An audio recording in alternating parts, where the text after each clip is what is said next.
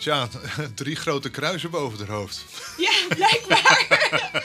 Altijd. Geboren getogen Amsterdammer. Ja, wel hè. Welkom uh, Daan. Daan Tilly, uh, beleidsmedewerker bij, uh, bij de Haagse Hogeschool en bij de ja, faculteit BRV. En dat mag je zo verder uitleggen.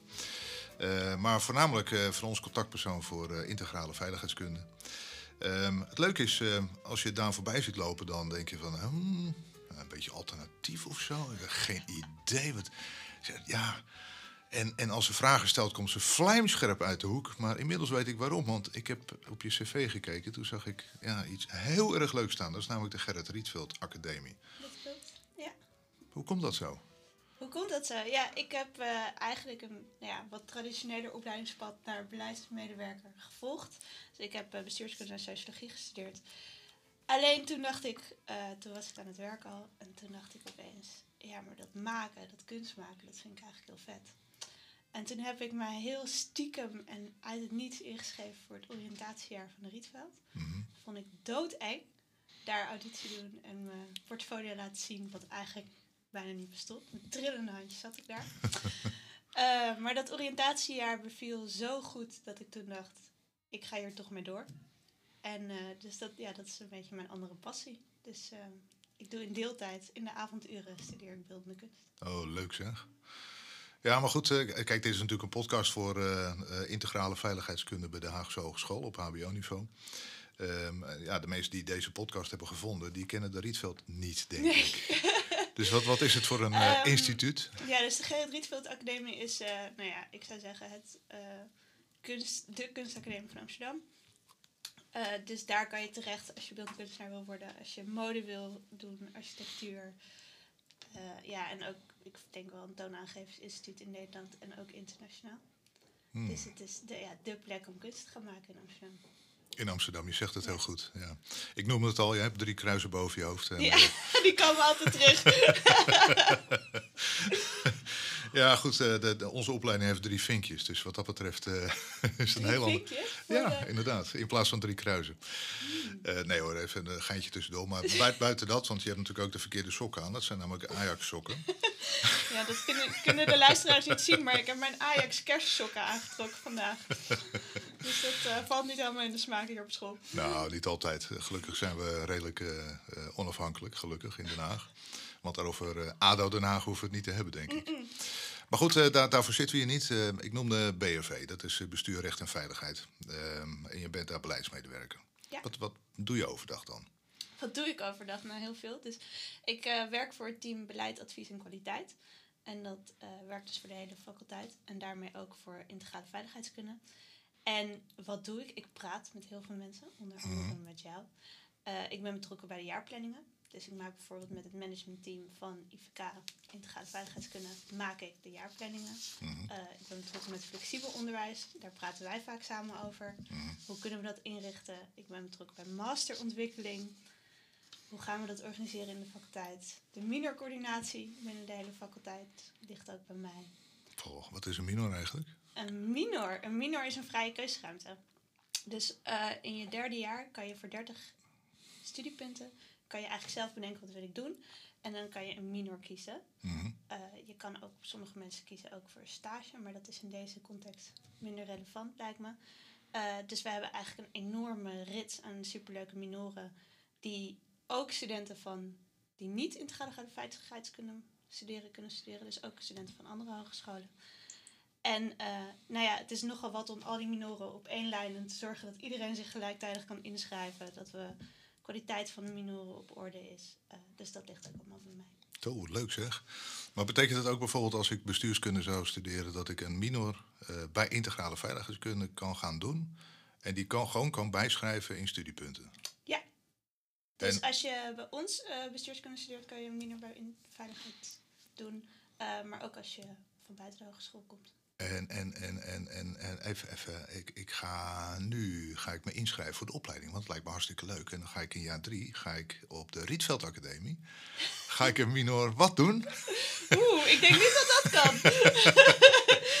je kan wel, je hebt wel, uh, dat uh, hoorde ik mensen die uh, labplekken doen op uh, kunstacademie. Lab? Wat is lab? Ja, leerarbeidsplaatsen. Oh, ja, oké. Alle afkortingen eruit. Ja. Ja, dus mensen die eh, bij een kunstacademie als eh, werkgever vertellen. Ik hoorde dat een van onze studenten bij de Koninklijke Academie voor Beeldende Kunst Den Haag eh, loopt. Ah, oké. Oh, wat Om leuk. daar zeg. op sociale veiligheid eh, te kijken. Oké, sociale veiligheid. Ja, veiligheid is natuurlijk wel een heel breed begrip. Hè? Mhm. En als, als beleidsmedewerker, wat neem je er eigenlijk in mee? Want, ik, ik snap dat je als beleidsmedewerker toch op hoge lijnen nadenkt over inrichten eigenlijk van het onderwijs. Misschien een richting van het onderwijs. Mhm. Maar wat betekent veiligheid voor jou dan? In mijn werk als beleidsmedewerker Ja. voor, eh, eh, veelzijdig. Dus ik denk, eh, als je het hebt over sociale veiligheid, zijn er een aantal dingen die wij goed moeten organiseren. Dus je begeleiding moet goed zijn, de professionaliteit van je docenten moet goed zijn. Ehm, de regels moeten duidelijk zijn, de rechten van de student moeten duidelijk zijn. Dan hebben, dat zijn meer de bredere thema's. Dus eigenlijk als je organisatie goed staat, de regels zijn duidelijk, de verwachtingen zijn duidelijk, Mhm. dan heb je denk ik al veel minder risico op allerlei problemen. Mhm. Eh, en dan heel specifiek hebben we risicomanagement is dan ook weer een onderdeel binnen de faculteit. En dan gaat het veel meer op eh, geldstromen. Hè? Dus dat het geld goed loopt, dat we daar geen risico's op lopen. Dat we onze archieven op orde hebben. Dat we onze privacyregelingen op orde hebben. Dat iedereen binnen de faculteit weet wat je moet doen om te zorgen dat er geen gegevens op de verkeerde plekken belanden. Dus dat zit op heel veel niveaus, eh, ook in mijn werk. Oh, Ja. leuk, leuk om te horen. Ik, ik heb zo het idee dat eh, onze afgestudeerde eh, alumni ook op jouw plek terecht kunnen komen. Ja, ja dat is, ik heb natuurlijk bestuurskunde gestudeerd. Officieel de specialisatie in maatschappelijke eh, organisaties. Maar ik heb uiteindelijk mijn scriptie geschreven in het besturen van veiligheid. Mhm. Maar ik ben daarna in het onderwijs gaan werken. En ja, als we het hebben over brede organisatievraagstukken, die komen in elke organisatie terug. Dus of je nou in het onderwijs werkt of in de zorg, of je gaat wel eh, bij een douane werken of een politie. Dat zijn ook vragen die daar spelen. Mm, zeker weten, ja. Ik zie zelfs dat je op de Universiteit van Amsterdam les hebt gegeven in politicologie. Ja, klopt. Wow, Ja. wat leuk. Ik heb drie jaar, ben drie jaar docent geweest. En toen toch het docentschap verlaten. Ja. ja de- is dat omdat je... eh, eh, ja, wa- waarom is dat eigenlijk? Waarom ben je dan toch... eh, Eh, nou, ik vind lesgeven vind ik echt eh, tof met studentenwerk. Is Mhm. Echt heel erg leuk. mm, Eh, zoals je al zei, ik doe die studie ernaast, beeldende kunst. En eh, als je een deeltijdstudie doet, is een 9 tot 5 baan toch wel eh, fijner. en dat vind je makkelijker als beleidsmedewerker dan als docent. Daar zit je toch met veel meer eh, pieken en dalen in je. snap werk. ik. Ehm, je bent beleidsmedewerker, je werkt met heel veel verschillende eh, diensten, maar ook met verschillende opleidingen, met zelfs eh, buiten je faculteit. Eh, want je hebt overleg over hogeschoolbrede thema's. Hoe belangrijk is netwerken? Ik vind netwerken heel belangrijk. Ik denk dat, en ik vind dat ook wel grappig, ik denk dat ik ben ook wel een prater. Ik ben Nee, ook was wel me van niet de opgevallen. mensen. Daarom heb je me hier gevraagd. Ehm, dus ja, ik denk, eh, zeker omdat wij we zitten in zo'n grote organisatie. Mhm, Je moet mensen kennen, want uit de stukken ga je het niet halen. En alles wat geschreven is, dan moet je ook maar bedenken in hoeverre gebeurt dat in de praktijk. mhm. Dus voor mij is netwerken heel belangrijk. Ook buiten bij andere faculteiten, binnen de opleidingen. Het is zo fijn om mensen te kennen dat je gewoon even binnen kan lopen en zeggen: hey, hoe zit het eigenlijk? Ik snap dit niet. Hoe komen we hiermee verder? En dat je niet, eh, ja, anders raak je helemaal verzuip je in een organisatie als de Haagse Hogeschool, denk ik. Ja, niet alleen de Haagse Hogeschool, maar het is natuurlijk eh, overal wel aan de hand natuurlijk, hè, dat je kan Mhm. verzuipen. Maar hoe, hoe eh, pak je dat aan? Hè? Want eh, zeker als je kijkt naar mensen die deze podcast luisteren, ja, die zijn geïnteresseerd in, in integrale veiligheidskunde. Dus dat is ook iets wat wij aanbieden. Dus dat we meer gaan netwerken en ook leren netwerken, het onderhouden van een netwerk. Wat voor tips zou jij de aankomende IVK, integraal veiligheidskundige, willen geven om een netwerk te gaan bouwen? Als je, ik denk dat het allerbelangrijkste bij een netwerk bouwen is... Kijk, mensen praten graag over wat ze doen. Hè, Mhm. jij vraagt me nu ook over wat ik doe, vind ik leuk. Eh, dus op het moment dat je mensen benadert en zegt... hé, hey, ik ben geïnteresseerd in wat jij doet... Mhm. dan heb je al een linkje. Eh, en op het moment dat dat je insteek is van... Hey, ik vind het gewoon leuk om van andere mensen te horen wat zij doen... misschien heb ik daar wat aan, maar dat is dan eigenlijk een later vraagstuk... eh, dan ben je er al. Dus het is heel laagdrempelig. En mensen zijn eigenlijk, staan heel erg open voor een kopje koffie drinken of eens een keer ergens over kletsen. En ik denk dat je vaak het gevoel hebt als je achter je computer zit van oh, ik moet mensen benaderen, hoe doe ik dat? Dan denk je, oh, dit, niemand zit op mij te wachten. Aha. Maar ja, gewoon een klein berichtje, een korte, kort iets, dat is genoeg. En dan merk je later wel eh, hoe je kan samenwerken of, of, of dat je verdere verbindingen hebt. En juist die losse contacten zijn denk ik zo belangrijk. Mhm. Want als het dan samenvalt en er is iemand die bijvoorbeeld eh, werk voor jou heeft of een interessante opdracht of een ander project waar je aan wil samenwerken, dan weet je elkaar te vinden. Ja, leuk is dat. Het is ook heel fijn dat je dat op die manier vertelt, want eh, het wordt niet altijd zo gezien.